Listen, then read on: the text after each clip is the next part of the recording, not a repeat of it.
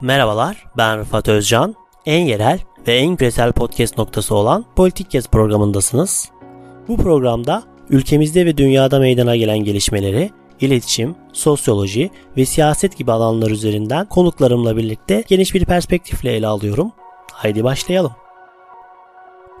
Merhabalar, Politik Kes Podcast programına hoş geldiniz. Bugün Enise Malbat ile Afganistan'daki son süreci konuşacağız. Türkiye'ye yoğun bir Afgan göçü var. Bu neden oluyor? Neden böyle bir durum ortaya çıktı? Ve bunun olası Türkiye etkileri, ABD-Türkiye ilişkilerinin burada oturduğu yeri konuşuyor olacağız. Enise programa hoş geldin. Hoş buldum, merhabalar. Ya, davetimizi kabul ettiğin için çok teşekkür ediyorum. İlk başta da yani yoğun olarak şu an kamuoyunda da tartışılan mesele bu Afgan göçü. Türkiye'ye bu Afgan göçü neden başladı? Neden bu insanlar insanlar şu an akın akın Türkiye'ye geliyorlar ya da gelmek zorunda kalıyorlar şu an. Buradan başlayalım istersen. Öncelikle söz hakkı verdiğiniz için çok teşekkür ederim davetiniz için. Afganistan'daki Afganistan'dan Türkiye'ye göç aslında yeni bir olay değil. Uzun bir süredir göç mevcut ki bu da zaten Afganistan'ın dünyadaki en çok mülteci üreten ülkelerden biri olmasıyla da doğrudan ilişkili. Türkiye Afganistan'ın komşusu olmamasına rağmen Afganistan'dan Avrupa'ya geçişlerde bir köprü vazifesi gördüğü için Afgan mültecilerin uzun zamandır bir rota olarak kullandığı bir ülke. Türkiye şu an hali hazırda zaten Suriyeli mültecilere ev sahipliği yapıyor ve bunun dışında da en büyük ikinci grup Afgan mülteciler düşüyor Türkiye'de. Ama şu anda bu göç durumunun artması bekleniyor. Bunun da sebebi Afgan hükümeti ve ABD öncülüğündeki yabancı güçler için çalışan kişilerin Taliban karşısında bir hedef tahtasına oturmuş durumda olması. Çünkü ülkede bir barış süreci vardı. Bu barış süreci çöktü. Başarısız olarak büyük oranda yani tamamen bitmedi olsa da halen daha böyle bir şeyde sürüncemede. Ve Taliban'ın askeri başarılar elde etmesi ve savaşı askeri yönden kazanmaya çabalaması sonucunda bu insanlar şu anda hayatının tehlike altında olduğundan hareketle komşu ülkelere ve oradan Türkiye'ye daha sonra Avrupa'ya göç etmeye çalışıyorlar. Şimdiye kadar Afgan mültecilerin Türkiye'deki durumu şu şekildeydi. Yani şu anda da bu şekilde diye biliyorum. Türkiye'ye geliyorlar büyük bir çoğunluğu. Hani her etnik gruptan insan geliyor. Ama mesela Özbekler kalmayı tercih eden gruplar arasında. Çünkü Afganistan çok farklı milletlerden oluşan bir ülke. Özbekler var, Peştunlar var, Tacikler var, Hazaralar var. Farklı meslek ve etnik kökenlere sahip. Özbekler Türkiye'ye hem dil açısından hem de etnik köken açısından yakın oldukları için ve Türkiye'nin de Afganistan'da General Raşit Dostum'u desteklemesi, ya Özbeklerin kendilerinin lideri olarak gördükleri kişiyi desteklemesi sebebiyle Türkiye evleri gibi görüyorlar ve burada kalabiliyorlar. Ama diğer grupların Türkiye ile bir entegrasyon sorunları var. Dil konusunda sorunları var. Kültürel e, bağlamda farklılıkları yoğun. Dolayısıyla buradan Türkiye'de mümkün olduğu kadar hızlı bir şekilde kayıt dışı bir şekilde çalışarak ve kazanıp buradan Avrupa'ya gitmeye çalışıyorlar. Türkiye'deki durum bu şekilde. Bir de bu Afgan göçü başladı. Dediğim gibi daha önce de baş, başlamıştı. Hatta yani özellikle çoban sektöründe Afganların çok böyle etkin oldukları konuşulur belki. Senin bildiğin evet. farklı dipnotlar vardır. Onları da verebilirsin. Yani yıllardır bu böyle diye biliyorum evet. ben de.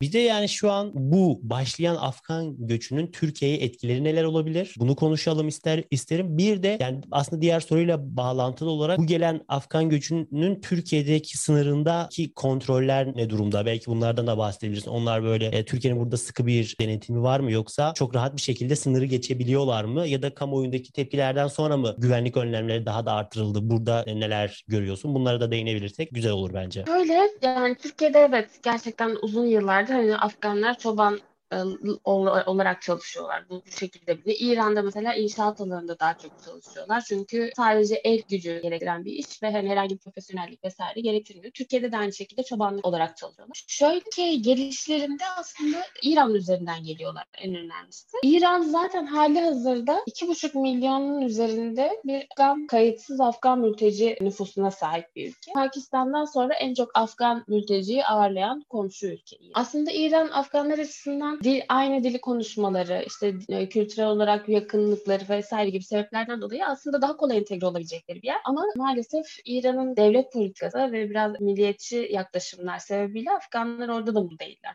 Entegrasyon alıyor. Dolayısıyla İran'da kalmak istemeyip Türkiye'ye geliyorlar ama Türkiye'de de bu entegrasyonu umdukları veya bekledikleri için değil, Türkiye'den Avrupa'ya geçmek için geliyorlar. İran'ın politikası Türkiye'ye geçişlerde yani resmi olarak hani yönlendirme olmasa da görmez görmezden gelme politikası var. Sınırdaki güvenlik güçleri işte atıyorum Afgan mültecileri gördüğü zaman onları görmezden geliyorlar ki Türkiye'ye doğru yöneliyorlar mesela. Yüzlerce insan gruplar halinde tek seferde geçiş yapıyor. Bunu İranlı güvenlik güçlerinin tespit etmemesi, görmemesi imkansız ama görmezden geliyorlar ki İran'ı terk edip Türkiye'ye yerleşsinler. Türkiye'nin bu konudaki aldığı tedbirler arasında Cumhurbaşkanı Erdoğan'ın da ifade ettiği bir şey var. Geçen gün kendisi de dile getirdi. Ağrı İran sınırı üzerinde bir güvenlik duvarı inşa edildi. Van'da da bir tane duvar inşa ediliyor. Bu Suriye'ye çekilen sınır hattındaki duvarlar gibi. Ama yani bu duvarların ne kadar ne olacağı, etkili olacağı tartışılır. Çünkü yani mültecilerin konularda hem kendileri deneyimliler. Çünkü İran sınırı da çok bir sınır aslında. Hem de bunun dışında bu mülteci kaçakçılığı bir artık şeye dönüşmüş durumda. Bir, bir endüstriye dönüşmüş durumda. Ve bu mülteci kaçakçıları gerek yol hani güzergah üzerindeki riskleri elimine etme ya da farklı yerler bulup hani buradan sızma gibi konularda çok planlı ve projeli çalışıyorlar. Dolayısıyla hani bunu durdurmak bilmiyorum. Duvarla durdurmak çok mümkün görünmüyor açıkçası. Artı bir de şöyle bir durum var. Yani göçmen kaçakçılarına yönelik Türkiye'nin doğru düzgün bir politikası da yok. Yani bu hani Avrupa'da ve benzeri ülkelerde çok büyük suçlar arasında yer alıyor ve çok hani ağır cezalı tabi tutuyorlar. Yani Türkiye'de böyle bir durum değil. Birkaç gün gözaltına alınıp serbest bırakılıyorlar diye biliyorum. Dolayısıyla hani bir kişi, bir göçmen kaçakçısı günler içerisinde yüzlerce Afgan mülteci veya farklı mültecileri buraya getirip hayatlarını da riske farklı yollarla bunu yaparak 2-3 gün sonra serbest bırakılabiliyorken sınıra duvar inşa ederek mülteci akışını durdurmanın ben pek mümkün olduğunu düşünmüyorum. Bir de olası etkileri hakkında neler düşünüyorsun Enise? Türkiye evet. yani ne, ne, göz, senin bu Afganistan üzerinde çalışan o coğrafyayı da bilen biri olarak buradaki sosyoloji burayı nasıl etkileyebilir ya oradan gelen sosyoloji? Yani şöyle bu e, Afganistan'ın 40 yıldır aralıksız savaş içerisinde olduğu olan bir toplum olduğunu göz ardı etmememiz gerekiyor. Bu 40 yıl aralıksız savaş demek iki neslin en az travmalarla yetiştiği, doğru düzgün bir eğitim alamadıkları, doğru düzgün huzurlu bir gün göremedikleri anlamına geliyor. Ve bunlar tabii ki de farklı şekilde şiddet eğilimleri göstermelerine, farklı şekillerde suçlara yönelmelerine vesairelere zaten hali hazırda Afganistan'da çok yüksek oranlarda suç oranları var. Dolayısıyla bu Türkiye'ye de yansıyacaktır. Ama ben bunun ırkçılık ve mülteci düşmanlığına evrilmesinin hem Afganlar için hem insan hakları açısından hem de Türkiye için çok büyük bir risk olduğunu düşünüyorum. Çünkü bu yani daha önce Türkiye'nin geçmişinde yaşanmış durumlar var. Yani azınlık durumu durumundaki topluluklara karşı toplu olarak işlenen politikaların ve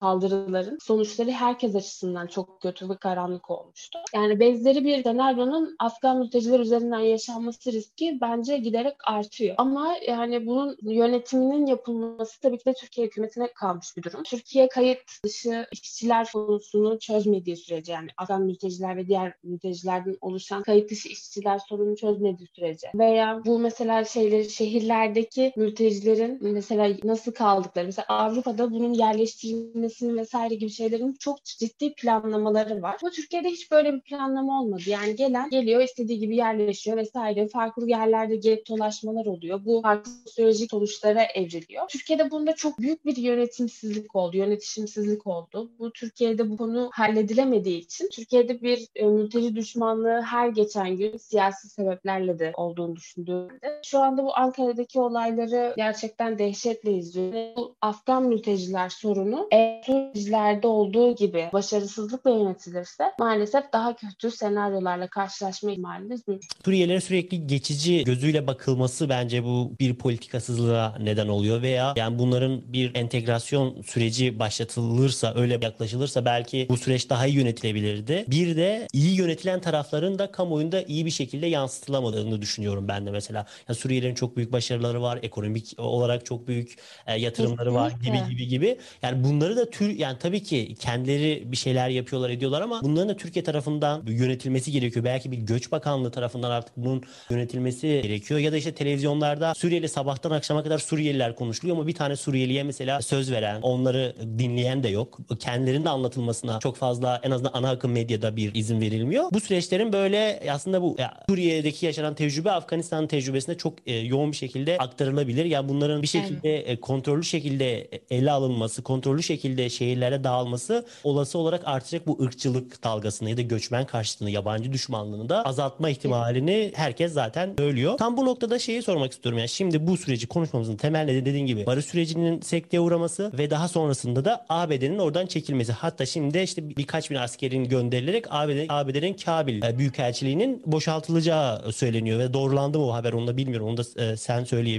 Evet. Dolayısıyla bu ABD'nin evet. çekilmesi bölgede hangi dengeleri değiştirdi? Bir de bu açıdan bakalım isterim. Şöyle ki yani Amerika'nın ülkeden çekilmesi kararı uzun bir süredir politik olarak Amerika'da kullanılan kartlardan birisi. Seçim her seçim döneminde Amerikan başkanına sorulan sorulardan birisi Afganistan ve Irak organınız ne olacaktır? Trump bu konuyu çok güçlü bir şekilde kullandı ve gerçekten de ciddi anlamda destek topladı ve sadece kendi taraftarlarını ve cumhuriyetçileri değil aynı zamanda demokratları da ikna etti diye düşünüyorum büyük oranda. Dolayısıyla Biden'ın da başka bir seçeneği kalmadı. O da Trump'ın Afganistan'dan çekilme politikasını de- devam ettirme zorunda kaldı. Nihayetinde Mayıs ayında ki normalde Amerika ile Taliban arasında 2020'de imzalanan barış anlaşmasının gerekliliği kapsamında Ma- Mayıs ayında Amerikan askerlerin ülkeden tamamen çekilmesi gerekiyor. Yani çekilmenin Mayıs ayında bitmesi gerekiyordu. Ancak Taliban ile Afgan hükümeti arasındaki barış görüşmelerinin bir türlü tamamlanması, şiddet tamamlanamaması, şiddetin her geçen gün artması, çatışmaların artması vesaire gibi sebeplerden dolayı Amerika ülkeden çekilmeyi bu tarihte gerçekleştirmedi. Yani o anlaşmanın içeriğindeki bütün ajanda zaten hep uzamıştır. Mayıs ayında açıklanan takvim en son Eylül 11 Eylül saldırılarının yıl dönümüydü. 11 Eylül saldırılarının yıl dönümünde Amerika'daki Afganistan'daki bütün Amerikan askerleri çekilmiş olacak dedi Biden. Ancak bu açıklama hızlı bir şekilde Taliban'ın ülkeyi askeri olarak ele geçirmeye gönüllendirdi diyebiliriz bence. Çünkü yani şu şekilde bir durum var. Ülkede hiçbir şekilde bir çatışmasızlık önemi e, yaşanmıyor. Sadece bayram ateşkesleri söz konusu. Bunun iki şeyde barış anlaşmasında şiddetin azaltılması bir koşullardan birisiydi Amerikan askerlerinin çekilmesi için. Şimdi bu koşul gerçekleştirilmedi. Taliban ile Afgan hükümeti arasında barış görüşmelerinin ciddi bir şekilde aşama kaydetmesi gerekiyordu Amerikan askerleri çekilene kadar. Ancak bu da gerçekleştirilmedi. Farklı şeyler, koşullar vesaireler vardı. Bunlar yapılmadı. Tüm bunlara rağmen Biden dedi ki ne olursa olsun biz 11 Eylül'de çekiliyor. Dolayısıyla Taliban'a bu şu mesajı veriyor. Yani siz Afganistan'da ne yaparsanız yapın, diğer Afganlarla anlaşsanız da anlaşmasanız da biz ülkeden çekiliyor. Dolayısıyla Taliban'ın yerine kendinizi koyduğunuz zaman barış görüşmelerini devam ettirme veya askeri olarak ülkeyi ele geçirmekten sizi alıkoyacak hiçbir sebep göremiyoruz. Dolayısıyla Taliban bunu çok hızlı bir şekilde kullandı. Etkili bir şekilde de kullandılar açıkçası. Bunu propagandasını da yaptılar. Kendi tabanlarına ve Afganlara hem de bölge ülkelerine. İşte biz NATO'yu ve Amerika gibi büyük bir süper gücü ülkede alt etmeyi başarmış bir gücüz. Afganistan'da gerçek meşru güçüz şeklinde propagandasını yapar. Bu zaten hali hazırda maaşları ödenmeyen, hiçbir şekilde doğru düzgün bir şey askeri teçhizat gönderilmeyen, desteklemeyen, doğru düzgün beslenemeyen bile yani Afgan askerlerini zaten Amerikan askerlerinin çekilmesinden dolayı morali bozulmuşken üstelik bir de Taliban'ın bu propagandaları tamamen artık alt üst dedi. Binlerce asker farklı ülkelere kaçmaya başladı. Tacikistan'a 2000 asker kaçtı. Özbekistan'da 200-300 asker kaçtı. Çatışmaya girmeden Afgan askerleri bulundukları bölgeden çekilerek o bölgeyi Taliban'a teslim etmeye başladılar. Bu kapsamda bir de Taliban'ın da şöyle bir şeysi oldu. Yani bu teslim olmaları hızlandırmak adına dedi ki eğer teslim olursanız sizin canınız emniyet altında olacak. Hiçbir şekilde size karşı bir şeyimiz olmayacak. Hani bu teslim olacak askerlere karşı bir af ilan etti. Bu da yani sonuçta düşündüğünüz zaman Kabil hükümetinden maaş almayan, gıda desteği bile almayan, tehdit teçhizat alamayan Amerika tarafından terk edilmiş Afgan askerlerine bir umut ışığı gibi bir şey oldu. Dolayısıyla dediler ki hani biz zaten bir şey elde edemiyoruz, e, edemiyorsak Afgan askeri olarak o zaman hani Taliban tarafından bu af imkanını en azından değerlendirelim. Bu şekilde binlerce asker şu an büyük şehirlerde cepheyi terk ediyor. Yani aslında şu anda Taliban'ın hızlı bir şekilde ülkeyi ele geçirmesinin sebebi Taliban'ın askeri olarak çok büyük başarılar veya performans sergiliyor olması değil. Afgan askerlerindeki moral eksiği ve yani Amerika'nın bu konuda hiçbir şey yapmıyor oluşu aslında ve tamamen hiç koşul olmadan veya barış anlaşmasında yazılı olan koşulların yerine getirilmemesine rağmen ülkeden çekilmeye devam ediyor olması Amerika'nın. Peki o bölge ülkelerine nasıl yansıyor veya nasıl tepkiler geldi şimdiye kadar? Tabii ki bu yani Afganistan'da yaprak kımıldasa bunun en çok etkilenecek ülke Pakistan. Pakistan barış sürecinin en önemli katalizörlerinden biriydi. Dolayısıyla şu anda barış süreci sekteye uğrayınca da en çok sorumlu tutulan ülke yine Pakistan oldu. Halbuki yani Amerika barış sürecinin başlatan ülke olmasına rağmen yine Pakistan sorumlu tutuldu. Bunun da sebebi Pakistan Taliban'ın üzerinde yani Taliban'ın yaratılmasından bugüne en çok Taliban üzerinde söz hakkına sahip olan kontrol imkanı sınırı da olsa hani belli bir aşamaya kadar da olsa kontrol imkanı bulunan tek ülke. Taliban liderlerinin aynı zamanda Pakistan'da bulunduğunun düşünülmesi. Kette Şurası denen bir yönetimle yönetiliyor Taliban. Bu şuranın Pakistan'da olması vesaire gibi sebeplerden dolayı Pakistan Taliban üzerindeki en güçlü, Taliban üzerinde güce sahip olan en güçlü ülke. Ama bu aynı zamanda çatışmadan da çok güçlü bir şekilde etkileneceği anlamına geliyor. Birincisi mülteciler konu. Pakistan zaten hali hazırda 3 milyona yakın bir Afgan mülteci nüfusuna sahip ve bu mültecilerin yaşadığı sınır bölgeleri aynı zamanda tarihte Peştun bölgeleri olarak adlandırılan bölgeler ve hiçbir zaman orada bir devlet yönetimi sağlanamamış. Yani o dev, hiçbir devlet oraya giremiyor. Çünkü çok fazla bir aşiret şeysi yönetimi söz konusu. Otorite tanımayan, tanımamazlıklarıyla bilinen e, milletler, gruplar burada, etnik gruplar söz konusu peş, Peştunlar. Dolayısıyla bu bölgelerde mültecilerin giriş çıkışları aynı zamanda militan giriş çıkışları anlamına geliyor. Pardon. Ve daha 2017'de Pakistan Taliban'ını yenebilmiş olan ve şu son birkaç ay içerisinde ülkenin çeşitli bölgelerindeki başkente dahil olmak üzere Pakistan Taliban'ın saldırılarını arttırması Pakistan için de alarm zillerini çaldığı anlamına geliyor. Yani eğer Afganistan'daki savaş kötüye giderse, Taliban tamamen kontrolü ele geçirirse ki mesela Pakistan Afganistan sınırının Taliban'ın eline geçmesi üzerine Pakistan sınırı kapattı mesela. Bu da o anlamı geliyor. Yani her ne kadar Taliban üzerinde kontrol gücüne sahip olsa da mesele ulusal güvenlik olduğu zaman oraya bir set çekmekten de kendini geri tutmuyor. Pardon. Böyle bir durum söz konusu. Eğer Afganistan'daki bunu Pakistan Başbakanı İmran Han, Dışişleri Bakanı ve Savunma Bakanları vesaire gibi gruplar da çok açık bir şekilde söylüyorlar. Yani Afganistan'da savaş demek Pakistan'da savaş. Dolayısıyla biz bunun siyasi bir çözüme ulaştırılması gerektiğini düşünüyoruz diye açıklamalar yapıyorlar. Bir diğer komşu ülke İran yine. İran'da çok İran'ın Afganistan politikası daha çok etnik ve meselesel meselelere bağlanıyor. Ama aynı zamanda yine dediğim gibi mülteci konusu da en önemli başlıklar arasında. İran, Taliban kontrolündeki bir Afganistan'dan en çok Sünni radikal grupların güç kazanması ihtimalinden dolayı korkuyor ve endişe ediyor. E, ve zaten Taliban ile aralarındaki ilişkiler de daha önce bu gibi sebeplerden dolayı çok gergin durumlara sebep oldu ve hatta İran e, normalde Afgan mücahitler diyebileceğimiz Taliban Taliban'ın karşısında bulunan daha önce Sovyetleri yenmiş olan grupları Sünni olmalarına rağmen mesela desteklemişti Taliban'a karşı. Çünkü Taliban El-Kaide vesaire gibi grupları ki İran'da da İran'a da tehlike oluşturan terör, örgütleri. Dolayısıyla bunları mesela desteklemişti. Daha sonra çok hani Afgan şey İran down komutanları, İranlı komutanların Afganistan'a gidip Taliban'a karşı bazı milis güçleri liderleriyle görüştüklerine dair vesaire öyle fotoğraflar yayınlandı. Bunlar var ama bir yandan da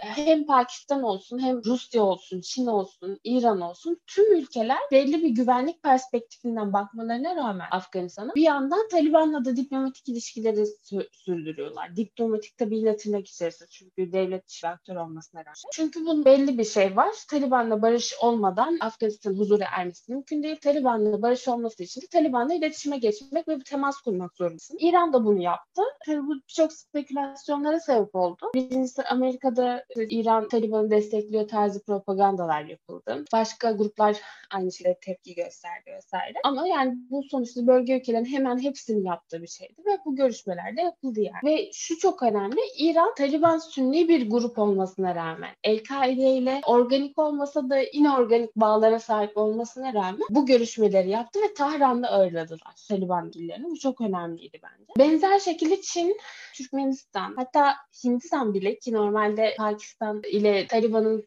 direkt olarak kan bağına sahip olmasına rağmen hani normalde beklenilen şey şudur. Hindistan hiçbir şekilde Taliban'la iletişime geçmeyecek vesaire ama bu bile değişti şu anda. Hindistan bile Taliban'la diplomatik ilişkilere girilmesi konusunda küçük adımlara attı. Hatta gizli kanallar aracılığıyla bir iki kez görüştükleri veya temas kurduklarına dair iddialar da var. Dolayısıyla bu şekilde yani genel olarak söyleyebileceğimiz şey şu. Tüm bölge ülkeleri ve komşu ülkeler Rusya ve Çin de dahil olmak üzere ki Rusya zaten bu konuda çok inanılmaz faaliyetler gösterdi. Herkesin şu anda bir askeri olarak endişesi var. Rusya'nın endişesi Türkiye devletler üzerindeki yani bu işte Tacikistan vesaire Türkmenistan gibi ülkeler, Özbekistan gibi ülkeler üzerinden kendisine İslamcı militan akışının olması ve bu ülkelerin e, güvenlik açısından istikrarının bozulması endişesi var. Şimdi şu endişe var. İşte Afganistan'da tamamen iç savaşa sürüklenirse burada Uygurlu militanlar vesaireler de güçlenecek ve bana buradan tehdit oluşturacaklar. Şimdi Balkan koridoru üzerinden Afganistan'la direkt olarak komşuluğa sahip ülke. Bu olmasa bile yine bahsettiğimiz devletler üzerinden militan gelme ihtimali. İran ve Pakistan'ın endişelerinden bahsettik. Dolayısıyla hepsi de şu anda güvenlik endişeleri var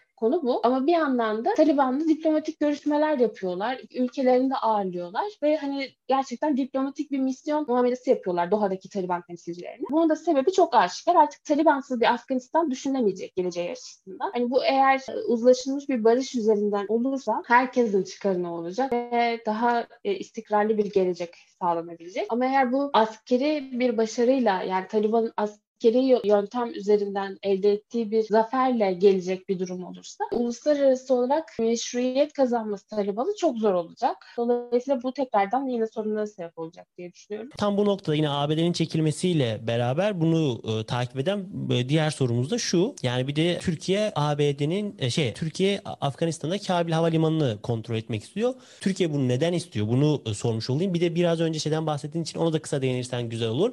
Cumhurbaşkanı Erdoğan'ın da e, Taliban lideriyle görüşebileceğini, ağırlayabileceğine dair bir mesajı da oldu. Türkiye'nin de bu bağlamdaki şeyinin ilişki kurma ne derler girişimine de değinebiliriz istersen. Ben Türkiye'nin son aydır diyorum. Çünkü aslında yıl olması gerekiyor ama aydır, birkaç aydır ya Afganistan'a yönelik ilgisinin ben Türkiye'nin bu bölgedeki yayılmacılık politikasının bir uzantısı olduğunu düşünüyorum. Libya'dan Azerbaycan'a, Suriye'ye ve çeşitli bölgelere hatta Afrika'nın farklı ülkelerine kadar Türkiye'nin askeri misyonları üzerinde üzerinden veya diplomatik misyonlar üzerinden etki sağlama politikası var son birkaç yıldır. Afganistan'da bunun sürprizli bir örneklerinden biri olacak gibi görünüyor. Bunun da en başta şöyle bir durum var. Şimdi eğer Afganistan'da Afganistan'dan Amerikan askerlerin çekilmesinden sonra Afganistan'ı dünyaya bağlı Kabil Havalimanı. Çünkü en kötü ihtimalleri de düşünmek zorundasınız. En kötü ihtimaller Taliban ülkeyi tamamen ele geçirdi. Hiç kimse diplomatik olarak meşruiyet vermedi Taliban'a. Dolayısıyla bu ülkede büyük bir ekonomik kriz olacak. İnsani yardımlara muhtaç olacak insanlar 35 milyon insanın açlıktan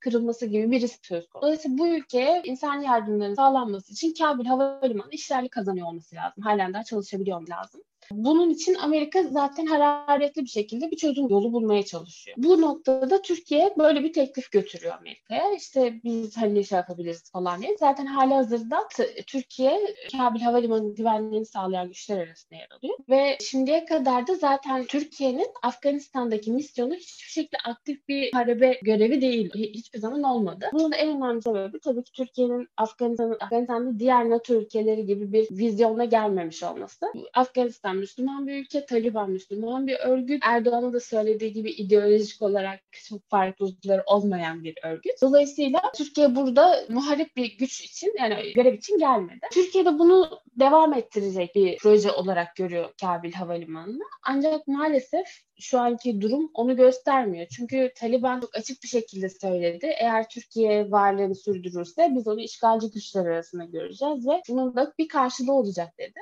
Erdoğan işte e, görüşlerimizi yanlış yorumladılar vesaire şeklinde hani bunun ciddiye alınmadığı gibi bir yaklaşım oldu. Ancak Türkiye'nin maalesef durumu bu şekilde. Eğer Kabil Havalimanı'nda askeri olarak varlığını sürdürmeye devam ederse Türkiye bu sadece eğitim e, amaçlı bir askeri operasyon misyon olmaktan çıkıp muharip bir savaş askeri göreve evrilmiş olacak. Türkiye bundan ne bekliyor? Tabii ki de bunun çok farklı politik sebepleri var. Amerika ile ilişkileri düzeltmek olabilir. Çünkü Türkiye ile Amerika arasında S-400'ler meselesi, işte Gülen meselesi vesaire gibi konulardan dolayı zaten yıllardır çok büyük krizler yaşanıyor. Türkiye eğer Afganistan'da böyle bir görevi üstlenirse Amerika için vazgeçilmez bir partner haline gelecek. Türkiye için bu çok heyecanlandırıcı bir faktör tabii ki. Aynı zamanda dediğim gibi bu bölge bölgesel olarak etkisini arttırma politikası. Bunun dışında ben Türkiye için faydalı olabilecek bir şey göremiyorum ve hatta aksine tehlikeli ve dalarından çok daha yüksek olan bir misyon olur. Ve da, şu da var hani bunu Taliban zaten kabul etmedi. Afgan hükümetinin kabul edip etmeyeceğini bilmiyoruz henüz. Bölge ülkelerinin görüşlerini bilmiyoruz ki ben Pakistan'ı şüpheyle yaklaşıyorum. Son iki soruyu birleştirerek sorayım. Böyle 3-4 dakikada iki soruya da cevap verirsen çok sevineceğim. Hı hı. Yani bir bu özellikle Afganistan'daki barış süreci üzerine yoğun olarak çalışıyorsun. Onu biliyorum ben.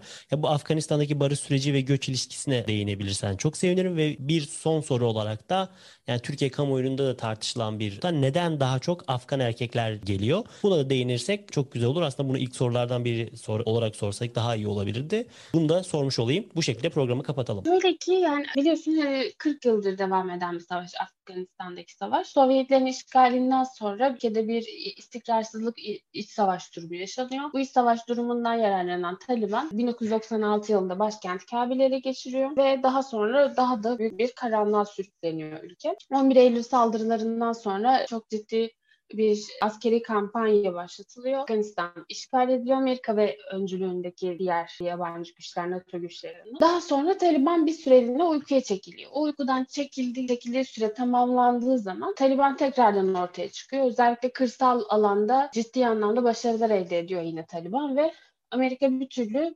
planladığı tarihte Afganistan'dan çıkamıyor. Her e, yıl neredeyse bir tarih ilan ediyor. Şu tarihte Afganistan'dan çıkacağız, çıkacağız, çıkacağız ve hiçbir şekilde bu gerçekleşmiyor. En nihayetinde Amerika'da zaten buna dair bir kamuoyu oluşturulmuş durumda. Uluslararası olarak da artık Afganistan'daki başlıklar arasında yer almıyordu. Daha sonra e, Amerika'daki biz bunu politik bir yol, yöntemle çözelim ve politik yöntemle çözelim şeysi çabası başlayınca bazı barış girişimleri söz konusu oluyor. Bu barış girişimlerinin ilki aslında 2010'lu yılların başlarında oldu ama bu çok başarılı olmadı. Farklı sebeplerle sekteye uğradı. Bu son barış girişimi 2018'de başladı. Barış girişimi 10 oturumda Doha'da gerçek Katar'ın başkenti Doha'da gerçekleşti. 10 oturum toplantıların sonucunda Amerika ile Taliban arasında Şubat 2020'de bir barış anlaşması imzalanıyor. Bu barış anlaşması kapsamında Taliban Afgan hükümetiyle görüşecek, müzakerelerde bulunacak ve buradan bir Afganlar arası barış metni ortaya çıkacak veya müzakereler ortaya çıkacak. Bunun karşılığında da Amerika Taliban üzerindeki yaptırımları kaldıracak ve Afganistan'dan tamamen çekilecek. Ama dediğim gibi bahsettiğim gibi bu koşulların hiçbirisi gerçekleştirilmeden Amerika tek yönlü olarak yani hiçbir şekilde bir karşılığını istemeden veya beklemeden askeri olarak çekilmeye başladı ve neredeyse tamamlayacak. Ağustos ayının sonunda tamamlanmış olacak askeri çekilme. Tabii şu anda Taliban'ın son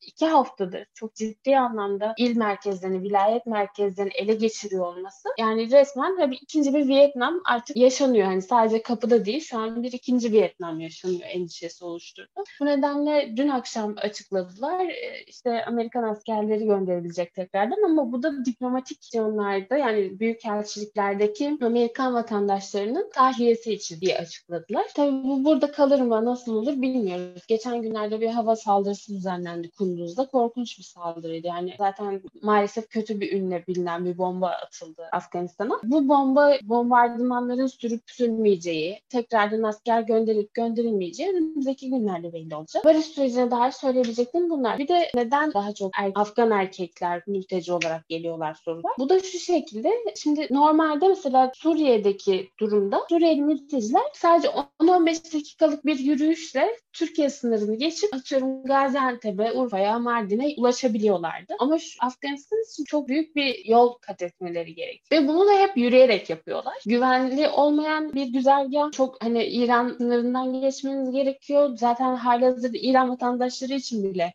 güvenli olmayan bir bölge burası. Dolayısıyla böyle bir durum var. Bu, bu bölgeden kadınları ve çocukları, yaşlıları getirebilmeleri çok mümkün değil. Yani Türkiye'de o yüzden hani Suriyeli mültecilerin aynısı yaşanacak. O akın akınlar yine insanları göreceğiz. Valizleriyle gelenler falan böyle bir endişenin mantıklı bir şeysi, altyapısı yok. Çünkü böyle bir şey mümkün değil. Yani hani bu şekilde bir kaçış söz konusu olamaz. Dolayısıyla bu fiziki koşulları kaldırabilecek genç, orta yaşlı erkekler daha çok biliyor mülteci. Ama şu var, eğer ki korktuğumuz, endişe ettiğimiz şekilde bir iç savaş patlak verirse herkes kaçacaktır. Yani Sovyetler, Sovyetler işgalinden sonraki o iç savaş döneminde yaşandığı gibi herkes gidebildiği her yere ulaşmaya çalışacak. İşte çantasını, her şeyini alıp kaçıp o şekilde gidebilecek. Bunun da böyle bir sebebi var. Enise çok teşekkür ederim. Bu programda genel olarak Afganistan Afgan etrafındaki dönen tartışmaları hepsini ele aldığımızı düşünüyorum. Yani kısıtlı bir zamanımız vardı tabii ki. İşte Türkiye'de Afgan gücü neden başladı? Bu göçün